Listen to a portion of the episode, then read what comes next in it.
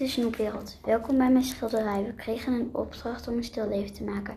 Wat is een stilleven? Een, voor, een tafel met snoep bijvoorbeeld. Ik had een prachtig schilderij gemaakt met lollies, kauwgom, zuurstok en spekjes. Ik had dit schitterende schilderij gemaakt op 6 februari 2020. U kunt ook veel kleuren zien, bijvoorbeeld roze, blauw, oranje, rood, groen, geel, paars, bruin en een beetje zwart. Voor de achtergrond heb ik lekker veel blauw met glitter gebruikt.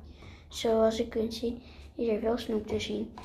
Ziet u de grote lollies? De ene is regenboog en de andere roze. Ziet u ook de grote pot? Dat is mijn lievelings. Van al het snoep die op tafel stond.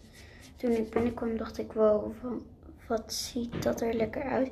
Ik ben nu klaar en ik had er plezier. En ik heb ook nog een tip, maak ook een stil leven. Ik ben benieuwd hoe jouw stil leven eruit gaat zien. Succes!